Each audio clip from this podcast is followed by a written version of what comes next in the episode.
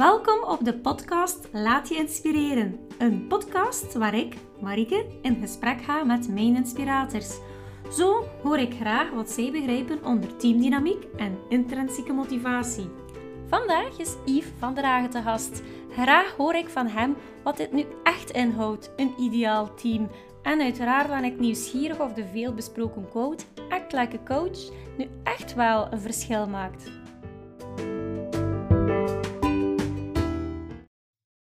Yves, welkom. Dank Ik eh, start heel graag met enige voorstelling van wie dat ik voor mij heb.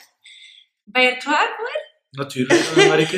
Yves van der Hagen is een Belgische voetbalcoach en gewezen voetballer. Sinds 15 november 2018 hoofdtrainer bij KV Kortrijk, weliswaar de tweede passage. Mhm. Eerder was jij ehm, van 2015 tot 2017 trainer van KVO en AA Gent. Als speler was je actief onder meer bij Anderlecht, Moeskroen en Aalst. Eh, je speelde 48 interlands Ja. voor de Rode Duivels, met wie je deelnam aan Euro 2000 en WK 2002. En wat veel niet weten, is dat er ooit een overlijdensbericht van u in de krant heeft gestaan. Ja, dat is ook juist. Toen was ik 18 jaar. En ja, dat eh, was eh, door een meningitis, een hersenvliesontsteking. Hersenvliesontsteking. En ja, dat was in de zomer. En dat was altijd maar eh, ja, eigenlijk achteruit aan het gaan. Totdat ik eigenlijk volledig in coma gevallen ben voor eh, ja, één dag ook maar. Maar gelukkig is dat na zes maanden dan volledig omgedraaid. En ja, nu zit ik hier nog altijd. Hè. Ja, dat zorgt er eigenlijk voor dat je een beetje een, een laadbloeier bent in de voetbal, neem ik aan. Hè? Jawel, maar eh, het is zo dat ik eh, pas als ik 23 jaar was mijn debuut gemaakt heb in eerste klasse. Een, om een hand seizoen in eerste klasse te spelen. Ik heb eigenlijk wel mijn debuut gemaakt als ik 17 jaar was bij Cercle Brugge. Maar toen was het opnieuw eh, zes jaar, laten we zeggen, zich opnieuw moeten bewijzen totdat ik op het hoogste niveau dan terecht kwam als ik 23 jaar was. En dat is inderdaad, eh, ze noemen dat dan laadbloeier.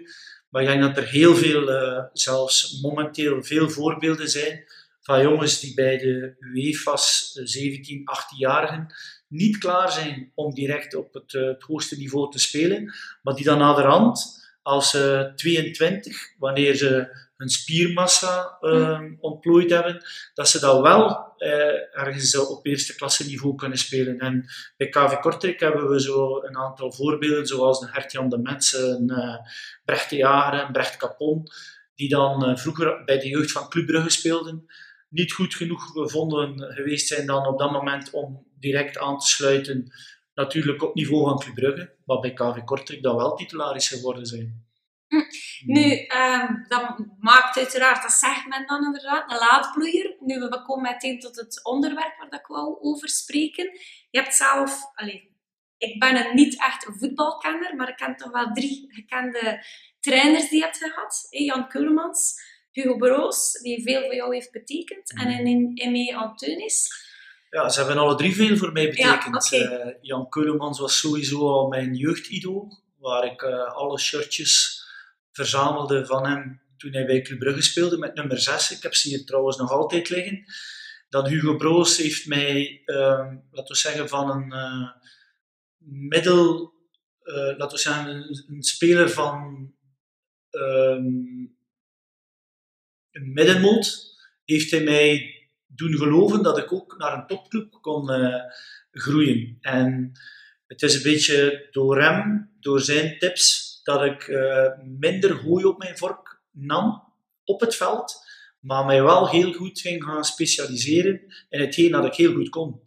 En daarvoor ja, was ik misschien aan het spelen met een te groot hart, maar was er dan ook wel hier en daar wat afval bij. En ja, naderhand heeft Hugo Broos mij gezegd van, je bent een stevige jongen, eh recupereer die ballen en speel die in naar de offensieve spelers. En voordien was het, ik wou die bal recupereren, ik wou ook die de center geven en ik wou hem mezelf binnenkoppen ook. En dat was te veel van het goede. Dus eh, Hugo Broos heeft mij dan van eh uit naar Anderlecht gebracht, internationaal bij de Belgische nationale ploeg. En dat heb ik dan ook nog wel een jaar of zeven kunnen volhouden. Dus dat was eh, een schot in de roos. En uh, Emme Antonis, um, bij Anderlecht, uh, heel mooie samenwerking, sympathieke man, iemand met het hart op de juiste plaats, een winnaar ook. En iemand die nooit opgaf, heeft mij enorm gemotiveerd, gewoon door de persoon die je was. Want soms heb je wel, je wordt gecharmeerd door een persoon.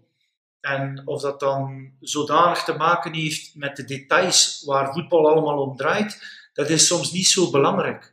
Het gaat hem over wie hij is en wat dat hij toont tegenover u. En dan heb je sowieso daar veel voor over. Uh, en mee was een, uh, ja, eigenlijk iemand met het hart op de tong. Kon wel een keer hard zijn, maar zeker ook uh, een lieve, ja, laten we zeggen, voor ons iemand waar we ook konden tegen praten.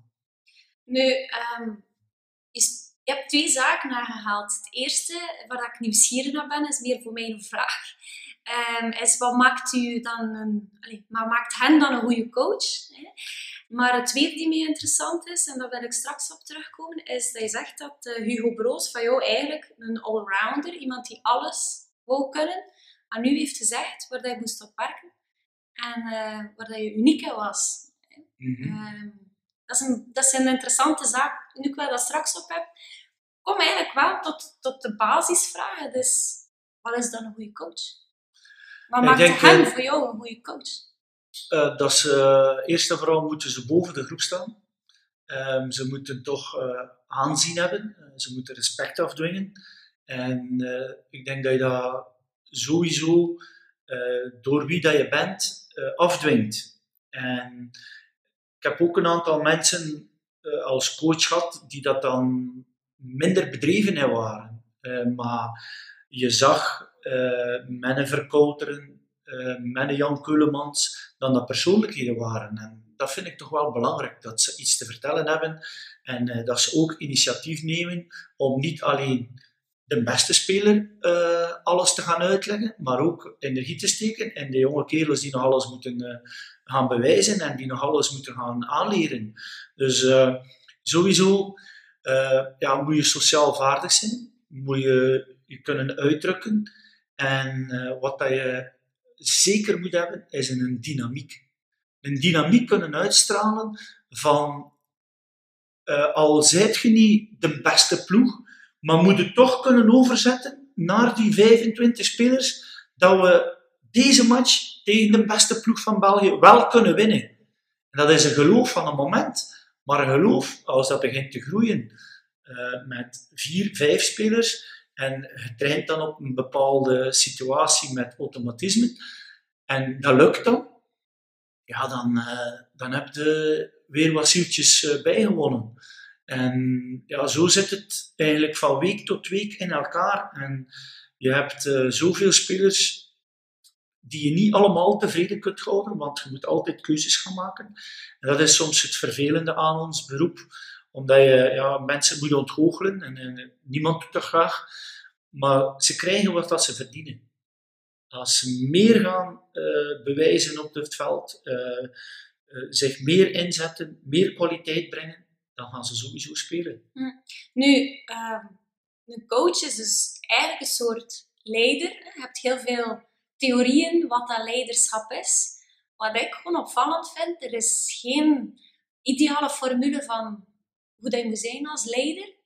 Um, dat is er niet. Wat aan mij heel hard opvalt, of dat je nu in de politiek kijkt, of dat je nu in de sportwereld kijkt, of in de bedrijfswereld kijkt, zijn voor mij goede leiders um, Mensen die de mogelijkheid hebben om een aanhang te hebben. Mensen die de mogelijkheid hebben om impact te hebben op, mhm. op, op laat het mij nu noemen, volgers. Om, om te kunnen toespreken, om te kunnen animeren.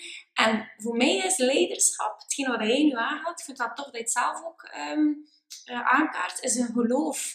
En de mogelijkheid om de mindset samen te kunnen zetten. En of dat dan politiek is, dat je een, mhm. een massa toespreekt en om ervoor te zorgen die samen gelooft. Kijk naar Donald Trump. Uh, we gaan nu niet spreken over zijn politieke ambities. Mhm. Maar dat is een, was, waar is hij heel, Obama was juist hetzelfde.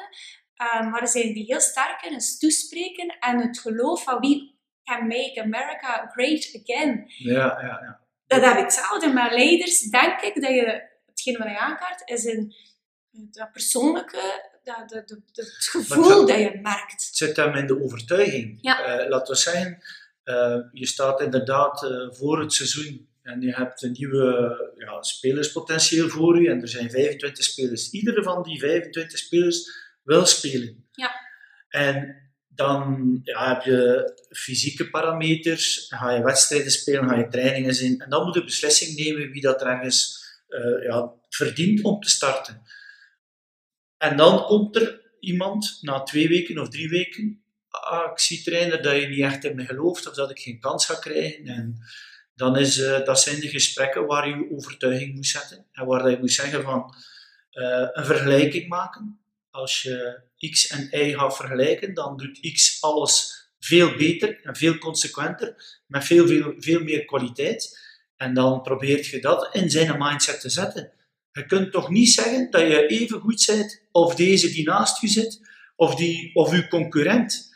En daar gaan ze dan meestal moeten mee meegaan. Ja hoor. Ja. Ja hoor. Ah, waarom zeg je dat zo concreet? Omdat, omdat het duidelijk is. Ja. Omdat eh, ten eerste kan hem over het fysieke gaan. Als er één iemand eh 11 kilometer elke wedstrijd loopt en hij loopt er maar 9, ja, het verschil is al heel groot. Hè? En dan kun je over eh, de passing gaan. Ja, maar hij, hij, van zijn 10 centers geeft hij 8 goed. Jij geeft er maar 4 goed. Als we verdedigen, hij wordt twee keer van de 10 gepasseerd, hij wordt zes keer van de 10 gepasseerd. Dit zijn zo heel belangrijke eh, herkenningsmiddelen, voorbeelden, om iemand iets duidelijk te maken. Maar dan moet ik wel ook zeggen dat ik op het einde van het verhaal altijd wel iets ga positiefs meegeven. Dat, dat die intrinsiek de kwaliteit in zich heeft. Maar je moet gewoon zorgen dat het rendement eh, die te laag is momenteel, naar omhoog gaat. En dan kan die zeker ook een titularis worden. Dit zijn de gesprekken, denk ik, eh, eerlijk en rechtuit, waar een speler het meest aan heeft. Want als je inderdaad gaat zeggen van, ja, het is, het is gespeeld niet omdat, omdat je te klein en die andere was groot. En dat kan ook soms een keer de reden zijn, zo, want eh, als er een eh, hele grote spits staat, ga je geen kleine verdediger er tegen zetten. Dus het zijn allemaal wel logische dingen, maar ik denk dat ze ook wel heel veel zijn met eerlijkheid. En als ze voelen dat je consequent bent eh, bij ergens iemand die te laat komt, dat je zegt van het is niet omdat het een beste speler is dat hij geen kleine boete krijgt. Iedereen, voor iedereen gelijk voor de wet. Nu, ehm, Yves, ik denk dat daar een grote rol zit als coach, als teamleider, is volgens mij de kracht om eh, groeipotentieel te zien en de mogelijkheid om de, de individuen sterker te maken. Het feit dat je zo'n individueel gesprek hebt, lijkt mij, omdat je er iets in ziet, want anders staat die speler niet in een van die 25 of zelf niet op het veld. Dus Ja, omdat maar als, toch- als coach is het soms eh, meer eh, communiceren met spelers Ja. om hen, laten we zeggen, beter te laten worden of effectief ge- gewoon trainen. Want eh, wat er in het hoofd gebeurt, is een serieuze factor die, die, die overweegt soms voor, voor, voor die speler zelf te kunnen overtuigen. Eh, je kunt je niet inbeelden ik ga niet zeggen dat ze onzeker zijn. Het zijn jongens die geen gesprekken nodig hebben. Maar gewoon al met iets, een beeld, een video te tonen en te zeggen van zo moet het nu, waar ze veel verder mee geraken of, of die oefening nog 10.000 keer te herhalen. Eh, hoe meer dat je natuurlijk iets herhaalt, hoe beter dat je wordt. Maar soms is het ook met een simpele communicatie dat je een fout dat, dat die consequent terugkomt bij een speler eruit te krijgen. Eigenlijk geef je hen inzicht. Ja, ja zeker. Omdat je ehm, ze de juiste beslissingen moet laten nemen. Ja. Er zijn spelers die zoveel kwaliteiten hebben. En ik kom naar mijn verhaal terug, waar ik eh, ook veel te veel wou doen, omdat ik niet de juiste keuzes maakte. En eh, dat probeer ik ook mijn spelers die soms veel meer talent hebben, of, of hetgeen dat maar verwacht van hen. Mhm. Maar het is niet alleen het talent tonen, het is de efficiëntie en het rendement naar de ploeg. Hm. Want hij kan inderdaad eh, vijf man dribbelen maar dan gaat hij hem zijn bal kwijt zijn. Terwijl als hij er twee dribbelt en een eindpas geeft voor een ander die een doelpunt maakt, is dat veel beter voor iedereen. En daar zit er, uh, ja, daar zit er soms wel wat uh, videobeelden, uh, analyse, het geloof ook uh, naar die speler toe te zeggen van zo moet het en niet anders. Want hij vindt dat natuurlijk fantastisch dat hij er vier en vijf kan dribbelen. Maar we brengen het op. Men zegt ook, ik ga een voorbeeld hè, nu nemen. Iedereen kent zelf, uh, ik die niet veel voetballers namen ken, kent Messi. Messi is linksvoetig, mm -hmm. is klein, is enorm snel. Zeker.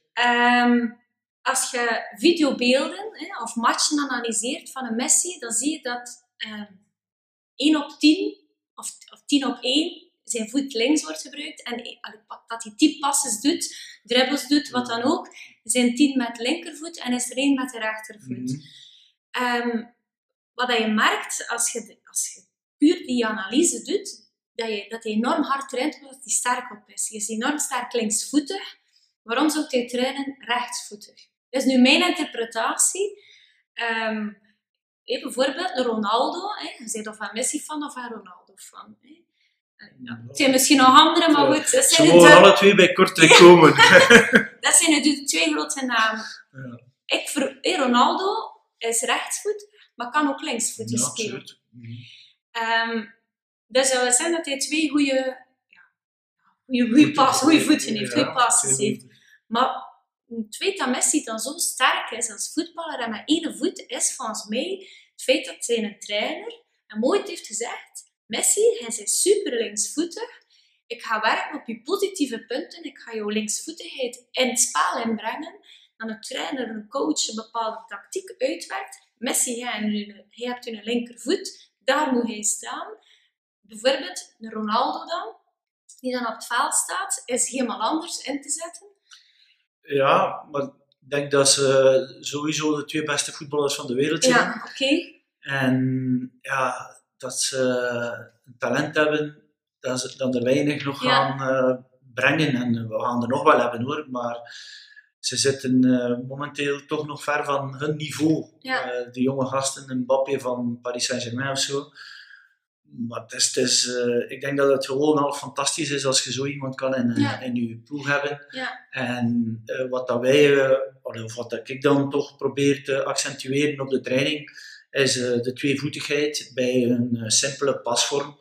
Ga ik altijd zeggen, um, probeer het met links, kom die bal voor je recht en doe het met rechts. het moet functioneel blijven. En als ze op training ehm, de functionaliteit niet inzien, dat ze gemakkelijker hun linkervoet opendraaien als die bal voor je linkervoet komt, of gemakkelijker hun rechtervoet opendraaien als die voor hun rechtervoet komt, dan maken ze voor zichzelf moeilijk. En ik zal daar wel een keer uh, een opmerking over geven tijdens de training. Waarom? Als je het op training niet probeert, dan ga je het zeker in de match niet kunnen.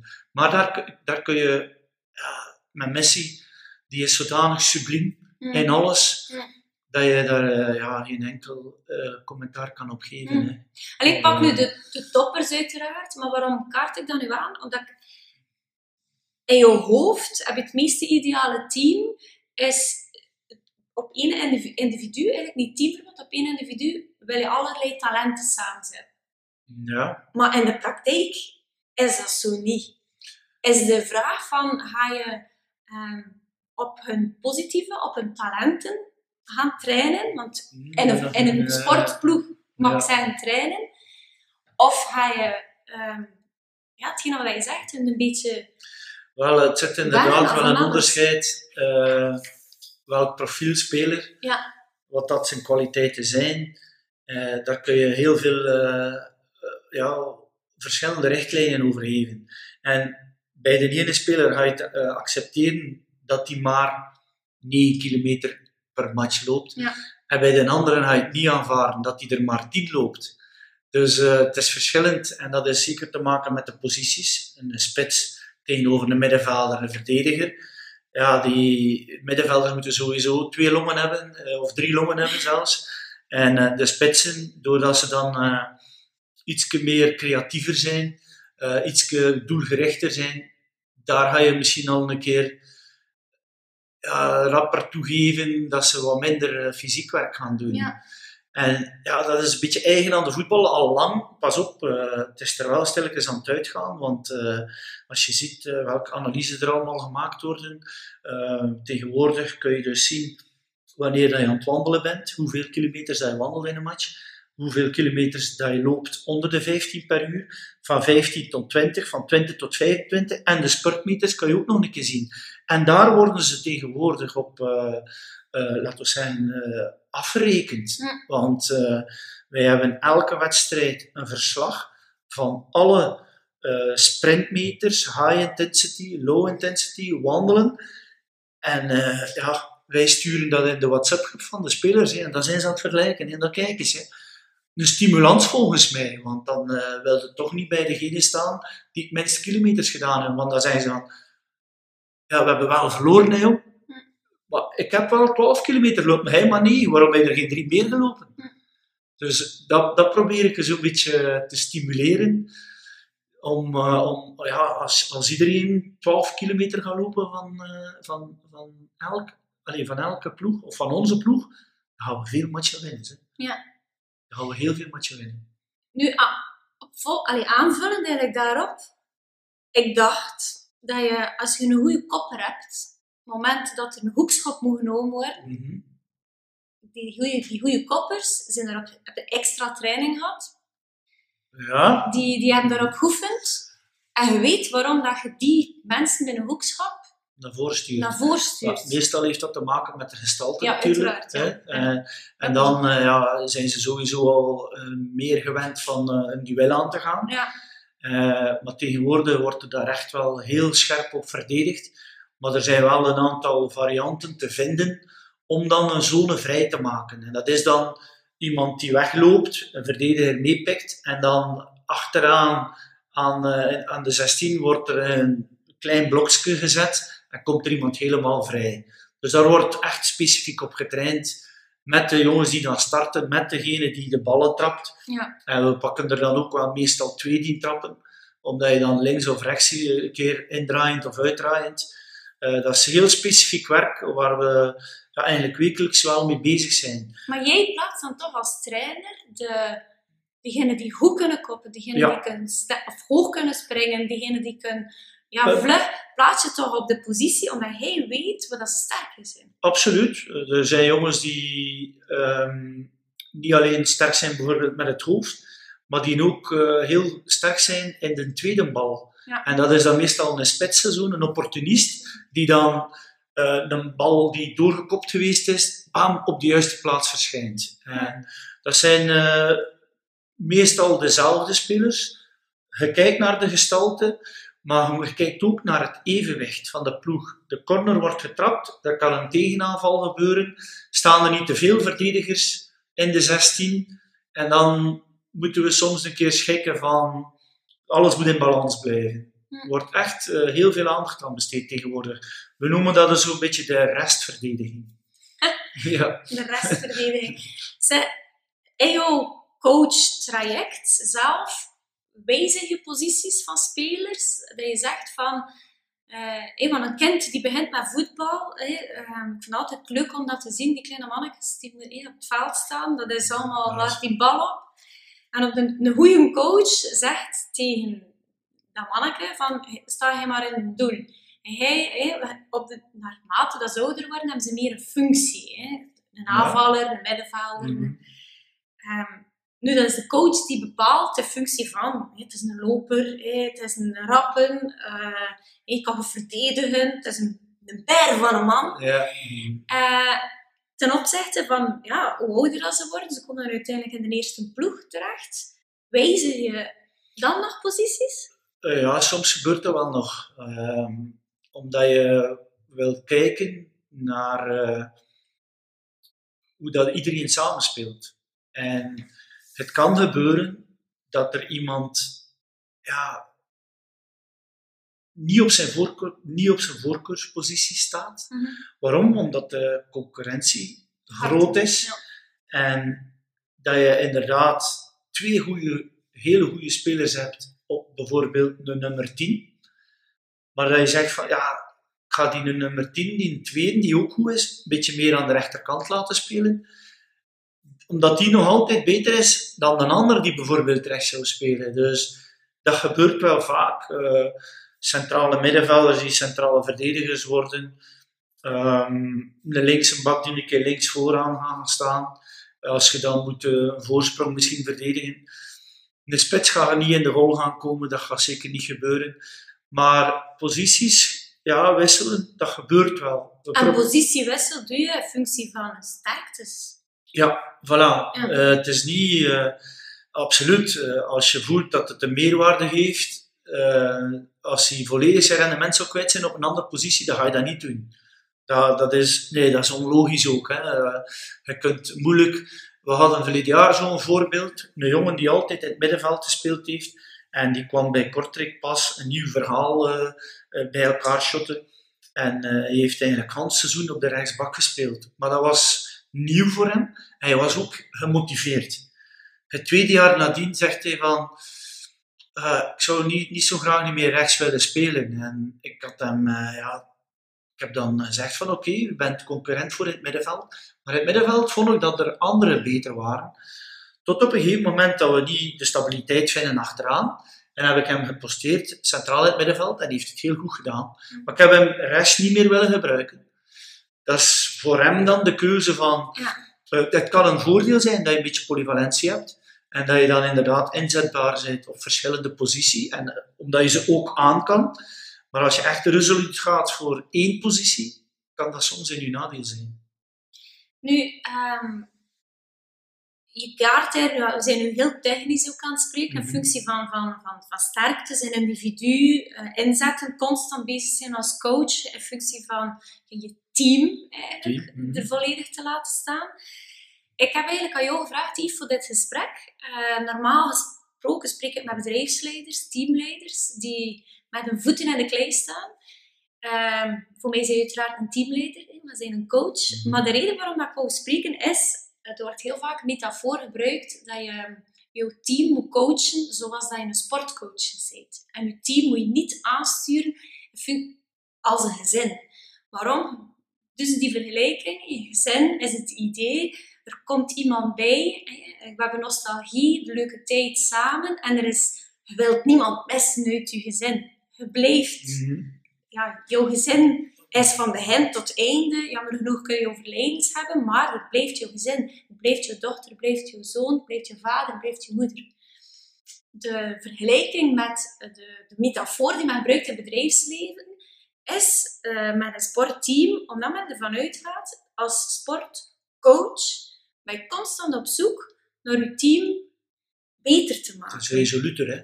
Zij je, ben je vooruit aan het kijken. Ja, natuurlijk. Uh, moet presteren, hè? moet ja. prestaties aan. Ja. Terwijl in het bedrijfsleven wordt er heel vaak ook nostalgisch gekeken van hey, ga hem toch niet ontslaan? Of ga hem toch niet wegdoen? Hij werkt hier al zo lang.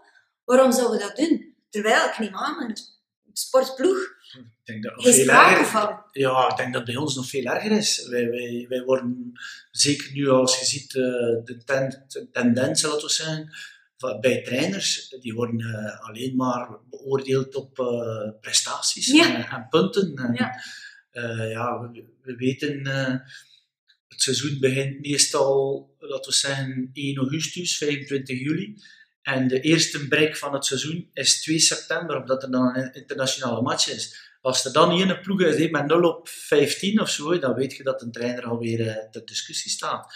Maar het is resoluut je moet uh, presteren en dan moet je ook vragen aan je spelers. Dus kun je niet, uh, pas op, teambuilding en zo, dat gebeurt ook allemaal. Hè. Mm eerst zetten we de fysieke parameters, dan proberen we de opbouw erin te krijgen. Hoe gaan we spelen, welk systeem. Maar dan uiteindelijk de collegialiteit. We gaan altijd rond week 3, 4 van de training, trainingen gaan we teambuilding stage gaan maken. Die ook altijd met heel veel competitie gedaan wordt. En het zijn simpele dingen. Hè. Het kan gewoon boogschieten zijn. Het kan een parcours afleggen, jongleren om het meest. het zit altijd goed in elkaar. en dan ja, wilde opnieuw winnaars creëren. Wilde hebben dat wie dat de meeste punten heeft, krijgt dan de zondagmorgen een keer vrij. En dat is resoluut. En je kunt geen... eh, graag hoor dat ik eh, elke speler waar ik al mee gewerkt heb, dat ik hem heel mijn leven eh, elke zondagmorgen zie voor eh, een grote brunch te doen. Graag zo, maar zo zit het niet in elkaar. Soms moet je resoluut zijn en soms moet je hard zijn. En dat is eh, ja, op, eh, bij eh, CEO's van, van bedrijven is dat ook keihard en moeten zij ook cijfers voorleggen. En bij ons is dat eigenlijk eh, ook wel heel erg aanwezig. Want eh, wat, wat ik vind op de voetbal, de media zit er dan nog zo keihard op. En je verliest die in een match en dan is het, wat heeft die een trainer uitgestoken? Maar winnen een match, amai, die spelers zijn goed gespeeld. Dus we ontsnappen altijd ergens Aan de de lof. Ja, aan de lof. Denk, ja. Maar uiteindelijk, als ze blijven winnen, gaan ze misschien wel weer terug bij de tra- trainer komen. Maar meestal is het zo van... Het is heel kortzichtig. eh, De, de, je verliest, het zal een trainer zijn fout zijn, en je wint zijn de spelers. Ja. Nu, ehm je kent Netflix. Hè? Patty McCord is eigenlijk de HR van eh, Netflix. Mhm. Die liet een eh, TED-talk, eh, een super interessante TED-talk. Ehm, en die, in die TED-talk zegt ze, dus de mentaliteit binnen Netflix was ook heel resoluut, heel hard. Eh, constant jezelf heruitvinden, passen in een systeem, exit van de ja, werknemer. Mhm. Nu, in die TED-talk zegt ze, ehm, of raadt ze aan aan elke coach om ehm, nu na te denken waar dat je wil staan binnen zes maanden. Niet verder, binnen zes maanden. Wat wil je bereiken met zes maanden? En door die oefening te doen waar je wil staan binnen zes maanden, moet je gaan nadenken over wat moeten ze kunnen. Bijvoorbeeld, ik spreek over het bedrijfsleven. Ehm, verwacht je dat ze in, om te kunnen presteren, dat er wordt, enorm veel wordt overlegd aan een whiteboard? Verwacht je dat ze de baan op zijn? Verwacht je dat ze opleidingen krijgen om sterker te worden? De- Denk na waar je wil staan binnen zes maanden, wat ze op dat moment aan het doen zijn, om te kunnen staan waar dat hij wilt staan, om je doel te kunnen bereiken. En maak dan de oefening terug naar het heden, de talenten, de, de, ja, de skills die ze nodig hebben om daar te staan binnen zes maanden, is op dit moment aanwezig in je team. Niet in je organisatie, maar in je team. Mhm. Dit zorgt ervoor dat je heel kritisch moet zijn, dat bepaalde individuen je geholpen hebben om te brengen waar je nu bent, maar die op dit moment je nu niet meer kunnen helpen om verder te gaan. Ze waren goed in het creëren en het groeien, maar die zitten nu aan een plafond. Ja, maar ik denk dat eh, als je louter en alleen dit, dit, dit zou spiegelen op de voetbal, dat je inderdaad een aantal eh, ja, doelen voor ogen hebt en dat je dat wil verwezenlijken met het potentieel dat je momenteel voorhanden hebt. En ik denk dat je vooral heel goed moet samenwerken. Dat dat belangrijk is, dan de jongens met elkaar communiceren en dan er, ja, laten we zeggen, geen plan zijn. Dat iedereen hetzelfde denkt in dezelfde richting, de neus in dezelfde richting. En wat dat dan moet gebeuren, eenmaal dit zo is, dat ze voelen van we gaan het samen moeten gaan doen, dat, dat, ze, dat, dat ze echt wel goed weten wat het doel is. Want je kunt jij wel iets zeggen van eh, ja, we gaan iets voor ogen hebben, maar het moet duidelijk zijn. Het Ja. moet, moet eh, een- bijvoorbeeld een, een tactisch systeem, zo zit het in elkaar en niet anders. En dit moet gebeuren bij deze situatie en niet anders. En dan denk ik wel dat je een aantal leiders nodig hebt in de groep. Die het op zich durven nemen en die, die iemand op zijn plaats durven zetten. Nee, hij doet niet het verkeerde. En wij zitten met heel veel brave jongens. Maar die leiders, die kunnen echt zo... Een trainer die dynamiek is, die doet wat dat er moet. Maar als er iemand iets verkeerd doet, van niet altijd op zijn plaats moet gezet worden van de leider, maar van een die naast hem in dezelfde groep zegt, hey, het is niet meer juist, hè, jong. hij moest dat zo gedaan hebben. Dat vind ik eh, interessant. Dan de spelers zichzelf gaan Voelt corrigeren. dat niet wat ongemakkelijk aan? Door je eigen mede-teamlid... Eh, je hebt altijd eh, wat, ik kan niet zeggen oudere, maar Ja. wat meer ervaren Ja. spelers. En jongeren die nog ja, toch ergens moeten een traject afleggen. om tot dezelfde status te komen. Status, uh, pas op, status in de voetbal uh, is ook zo redelijk labiel. Hè? Uh, je speelt geen slechte match en je krijgt een, een 2 op 10 en de volgende week speel je weer een 8 op 10, dan zijn er weer een goeie, want ze zijn maar zo goed. Of dat je een laatste match gespeeld hebt. Dus maar als je de, inderdaad, we hebben een kapitein, we hebben wat ervaren spelers, we hebben jongens die nu 10 jaar profvoetballer zijn. Als die dan de mening van de trainer echt nog een keer op Hans die groep gaan uh, overzetten, dan zijn ze ver. Hmm. Dan zijn ze heel ver, want ze corrigeren elkaar en dat, ze, hebben soms schrik daarvoor. Hey, als, je nu, als ik nu zeg van nee, dat mag niet, of zo heb ik het liever niet, dat is toch geen, dat is toch geen kritiek, hè? Hmm je moet toch uh, nog iets kunnen aanvaarden. De een kan dat beter dan de ander, want zijn er jongens die heel snel op de tenen getrapt worden. Maar ik vind als je zoiets kan hebben met een aantal jongens die dan in, in die visie van, uh, van de coach meegaan en ze, ze spiegelen het ook met woorden over. En ze helpen iemand, want niet iedereen is altijd communicatief even sterk. Uh, wij hebben ook uh, Engelstalen en Franstalen. Dus er, er gaat er wel wat energie in, in, rond om alles goed uit te leggen. Maar dan denk ik wel dat je je doel gaat bereiken. Hm. Nu, Pieter van Peterhem heeft mij in de tijd als coureur uh, ja, gesproken en allee, wijsheid eigenlijk bijgebracht. In die zin, hij zei tegen mij, Marike, um, of dat ik nu ten eerste over de meet ben, bij wijze van spreken, of dat ik nu de winnaar ben, dat wordt gevierd samen in de ploeg. Want elke persoon, elke individu heeft ervoor gezorgd dat ik kon winnen. Of dat er iemand anders kon winnen. Je hebt die een leven lang hè, hulpknecht zijn, die mij brengen en, of die, die jou brengen in de positie waar je moet. Hè, dat, is een taak, dat is een taak. En die doen dat subliem. Maar die, die, die vinden dat perfect oké om, jou, om te kunnen, iemand te brengen in de positie waar dat is. Eigenlijk de winst die dat op dat moment dat we dan in de bus dat team vier, iedereen verdient een, een grote dank u. En dat gaat niet omdat hij gewonnen hebt en de rest heeft eigenlijk staat, zeg maar iets, de honderdste op uh, de, de, de, lijst. Dat maakt eigenlijk niet uit. Nee, maar ik denk dat Peter van Peterhem ook zo iemand is uh, die bewust, bewust was van dat hij dat die de kopman was, ja. maar dat hij ook wel de helpers nodig had en dat hij zeker met een grote dank wel naar Hans en de ploeg dan uh, elke keer Ehm, ja, de, de, dankbaarheid toonde. Bij, bij de voetbal denk ik dat dat zelfs nog meer is.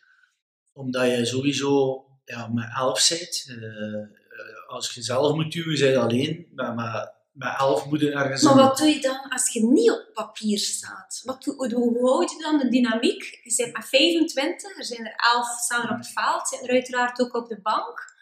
Ja. Uh, ik denk dat dat... Ja. Wel, uh, het is zo, uh, we hebben dus effectief een kern van 25 en er kunnen er 18 op het uh, scheidsrechterblad verschijnen. Ja. Uh, er komen dikwijls een 19e man of 20e man. Je weet nooit als er iemand gekwetst uitvalt in de opwarming of iemand ziek uitvalt. Dat gebeurt altijd. En dat schieten er altijd wel nog een stuk of 5, 6 over. Er wordt altijd een training geregeld de dag van de wedstrijd voor die 5, 6. En ik ga er altijd bij zijn om ook te tonen dat mijn verbondenheid naar hen toe, mijn geloof niet weg is. Maar het dat je wel kunt zeggen, en dat gaan ze waarschijnlijk wel heel snel doorhebben, dat ze meer gaan moeten tonen. Oh, volgende week wil ik je erop, hè. Komt ja, beter, hè. Uh, je moet dat, ja. Het gaat misschien niet altijd even snel, want sommigen komen terug naar revalidatie ja. of zo. Uh, sommigen hebben een achterstand van fysiek. Maar uh, ze moeten zeker zich langs de positieve kant weer gaan tonen. Want je hebt sommige jongens die soms een keer verveeld lopen en, of ze hebben een, een, hele slechte wedstrijd achter de rug. En het is niet evident als je dan uh, vijf, zes weken elke keer eraf valt om die jongens blijven gemotiveerd te krijgen. Maar ik denk wel dat ik daarvan, laten we zeggen, wel een skill bezit over een sociaal contact met iemand en de positiviteit te benadrukken. En ook om, om niet bij de, uh, hoe zeg je dat, bij de pakken te blijven zitten. Maar we komen er weer bij, je sprak daarnet over geloof. Ja. Als je als coach hen kan doen geloven, van kom, we gaan voor en het zet iets in u. sprak over de, de warmte die de mee en Tunis voor je heeft betekend. Ja, absoluut. Is ja. dat geloof dat je terugkrijgt voor jou, de oog voor ieder wie. Maar ze, maar ze krijgen het voorbeeld ook. Hè? Ja. Dus als ze, ik zeg nu maar iets, in een termijn van drie weken, is het wat ik bijvoorbeeld in een gesprek um, één tegen één speler-trainer, heb ik hun iets gezegd. Ze pakken die draad op en ze doen hetgeen dat ik zeg en ze krijgen hun kans. En ze kunnen dikwijls vertrokken zijn voor 15 weken. Hè. Natuurlijk, er zijn een paar jongens die dan een kans krijgen, ze pakken. En dan uh, hebben we een nieuwjaarsbreak gehad. En tegen na nieuwjaar waren ze het weer vergeten wat ik allemaal gezegd heb. En dat is zo spijtig. Ja. Dat altijd weer opnieuw herhalen is. Wel, dat zal in elke sector zo zijn. Dat je, Ik denk dat wel. ja, denk Ja. het ook, hè, dat je toch nog even moet iedere keer de Bepaalde puntjes... zijn iets ook hardleerster. Hè. Je hebt er altijd die vlug leren. En, ehm, maar je hebt er altijd die hardleersters in. Hè. Dat, dat, dat Maar in onze sector moet je maar één doelpunt maken. Ja. En eh, je krijgt de wind van achter, de media is allemaal voor u. En de week erachter stelde die dezelfde Ja. speler niet meer op. En dan, eh, wat gebeurt er trainer? Waarom speel ik het niet meer? Nee. Dus die media is soms naar, eh, naar elke individu, speler bij ons, dat kan na, naar eh, een, een patroon, hoe, dat je, over, hoe, dat, hoe dat je denkt. En ja, ze zeggen dat goed was in de krant, maar de trainer vindt dat niet goed genoeg was. Dus dat zijn altijd zo'n beetje van die ja, moeilijke uh, waarin, wie, wie, wie heeft er gelijk? Ja, het zit een beetje met de vergrootglas op. Hè. Ja, Nu, ik gaf daarnet het voorbeeld van die Patty McCord, hè, die dus die TED-talk deed. Waarom deed ik dat ook? Omdat volgens mij is het grote verschil ehm, ten opzichte van klassieke eh, bedrijven, is dat jij zelf als coach constant op zoek bent om je team beter te maken. Ik spreek daarom niet over het team die er nu is, maar zij ook op zoek naar individuen die nodig zijn om u te brengen, om u ja, de beker te doen winnen, om, om Mhm. landskampioen te worden. Ehm, ten opzichte van klassieke bedrijven, hè, dat is nu ons team, ehm, we willen daarmee naartoe en het gaat gaan. Ik ben van mening, als je verder kijkt dan enkel hetgene wat je team voor je is, volgens mij bij dan pas kun je fantastisch worden om, om eigenlijk altijd de individuen te gaan opzoeken die je team ook kunnen versterken. Ik kan me perfect voorstellen, Yves, is dat je, je hebt 25 mensen, Mhm. is dat je een bepaalde tekortkoming kan voelen in je ploeg, van verdorie, we hebben zo'n type persoon nodig, en dat je die persoon gaat gaan zoeken. ja dat is een uh, proces van een uh, Hans jaar. En zo is dat? Ik weet dat niet. Je spreekt over een jaar, denk je constant na om je ploeg Uh, beter wel, te maken? laten we zeggen, één keer dat de ploeg gevormd is en één keer dat de transferperiode gedaan is, 31 augustus, dan weet je dat je voor zes maanden uh, tot in januari met die groep gaat moeten doen. Dus uh, wat, wat dan voor mij het belangrijkste doel is, is die spelers uh, zo, zo, goed mogelijk fysiek voor te bereiden, als ploeg te spelen en ja, voor elkaar te spelen. Maar zeg je dan niet in oktober bijvoorbeeld tegen een of andere scout, ik heb dat profiel nodig. Jawel, maar dat is meer intern. Dat is intern met de... Maar je bent wel op zoek. Ja, is uh, intern met een sportief directeur. Hm. Gaat er dus inderdaad overlegd worden van, uh, ja, we weten dat die speler uh, misschien zou vertrekken. We zouden misschien een ander type speler op die positie moeten hebben. En dat is hetgeen dat we nu ook al een beetje doen, de screening van eventuele spelers die bij ons in aanmerking komen voor een transfer. Dat we dan uh, nu al spelers gaan helemaal doorlichten of, uh, of die in aanmerking kunnen komen. Het is een soort schaduwelftal dat je opstelt Ja. uh, voor het volgende jaar. Maar wij hebben nu morgen onze laatste training en wij hebben vandaag ook alweer ergens. Um, dat, is een, dat is een proces van een handjaar. Hè. Wat ze presteren, dat ligt niet. Uh, je, maakt daar, je kunt daar wel uh, wekelijks een rapport van maken, maar gaat altijd op hetzelfde neerkomen. Dus dat je minder tevreden bent van een aantal spelers. Gaan wij morgen nu de boodschap geven dat ze beter gaan uitkijken naar een andere ploeg. Ja. Maar het is altijd soms vervelend als die speler met een contract lopende van twee of drie jaar zit. Omdat dat dan, ja, zij hebben een zekerheid. ze, ze settelen zich een klein beetje. Maar dat is de bedoeling Nu, niet. hè. in de voetbal kan dat, in de bedrijfsleven Dat gaat niet lukken. Je kunt, ja, In de bedrijfswinkel gaat dat niet lukken. Maar bij ons is dat soms van, ja, dat, als we dien kunnen eh, binden aan KV Kortrijk Mm. en hij doet het heel goed, dan hebben we zeker met veel marge kunnen we hem eh, doorverkopen. Mm. Maar soms gaat dat een keer tegen ook. Ja. En eh, dan weet je dat dat nu al zes, zeven, acht maanden aan de gang is. Maar ondertussen hebben die jongens nog altijd een contract. Maar we gaan we nu wel mededelen.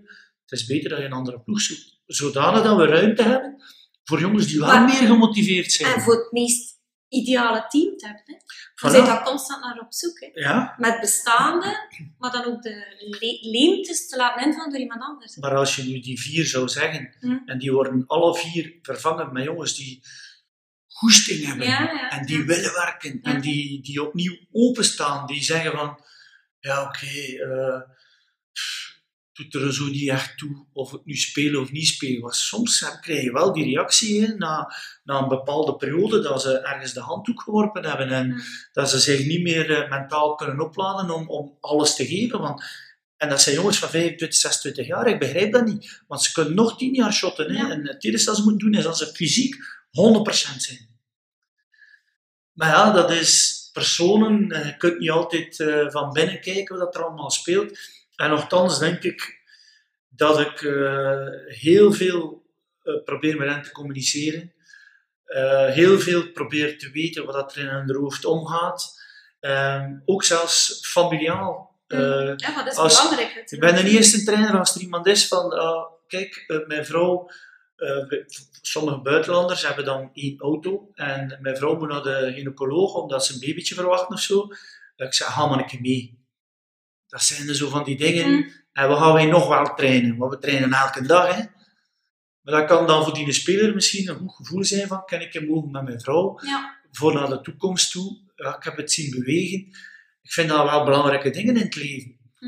En oké, soms zitten ze met te veel uitvluchten. Eh, mijn moeder arriveert tijdens de avond en mag ze gaan halen. Ik zeg, kun je misschien wel een keer kijken van een ander. Nee, we trainen nu. ja. Verstaan wel. eh, maar menselijke is wel Ja. Als coach denk ik wel belangrijk. Nu, ehm, daarop volgend, in het bedrijfsleven heb je de functioneringsgesprekken. Je hebt bedrijven die het hun nog één keer per jaar toepassen, want meestal is dat dan over het verleden en niet over de toekomst. Eh, je hebt gelukkig al meer en meer ondernemingen die zich bewust van zijn om heel regelmatig met elkaar te spreken.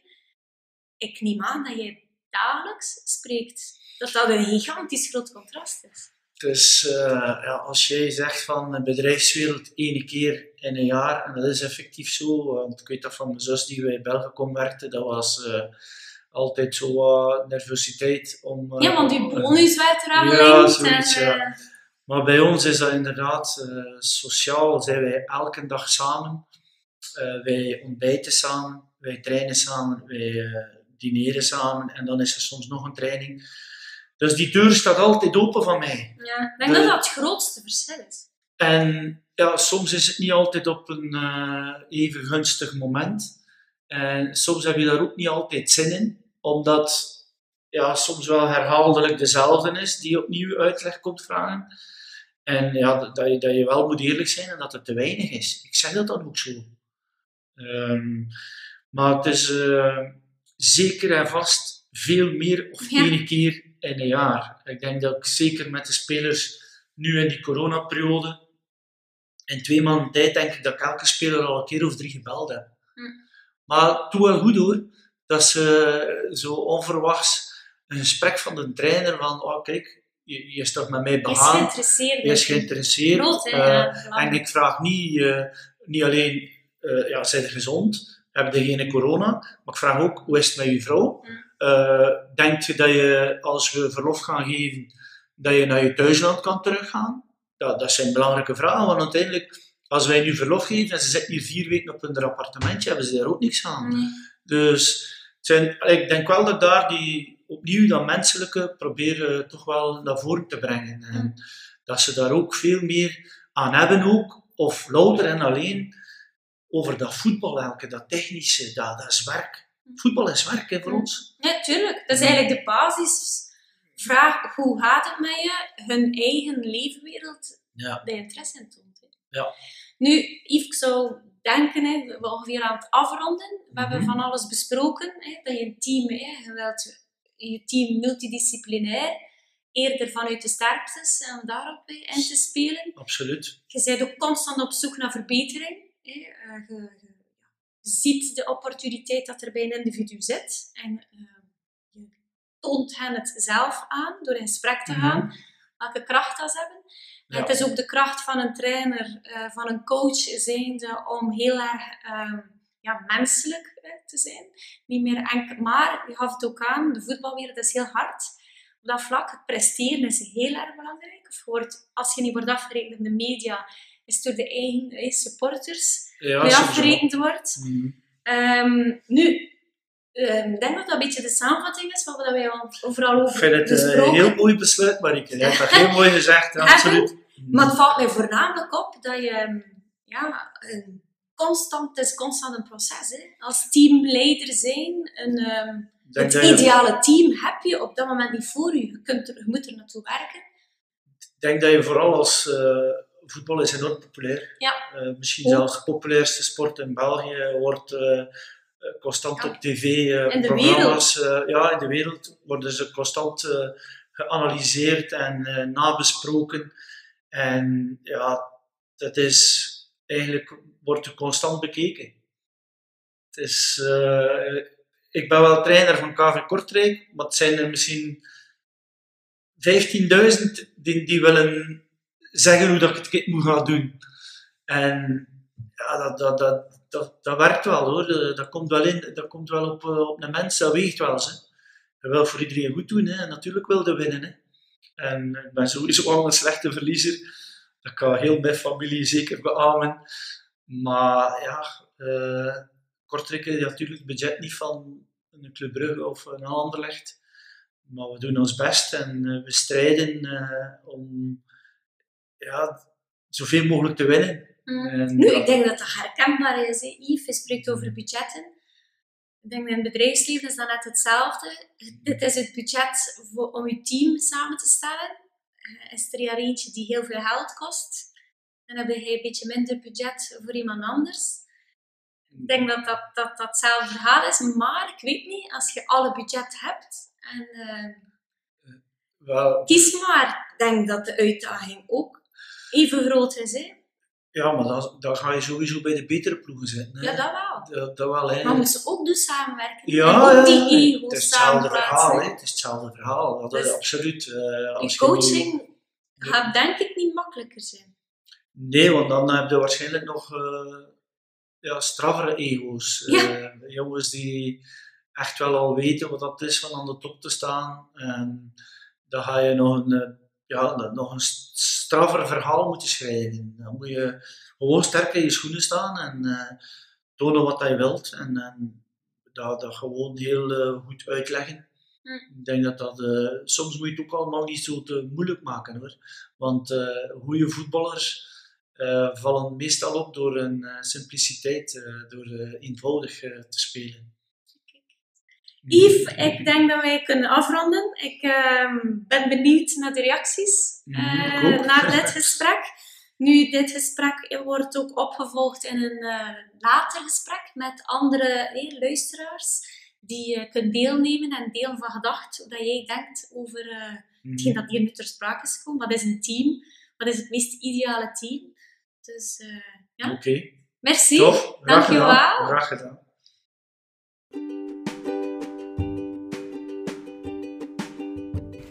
Laat ons horen wat je van ons gesprek vond en deel ons jouw mening. Ben je geboeid en wil je hierover in gesprek met gelijkgezinden en de gast uiteraard? Schuif dan mee aan tafel en houd de data zeker in het oog die je kan vinden op de website. Of nog veel beter, plaats je op de wachtlijst via www.marikedekuiperen.com.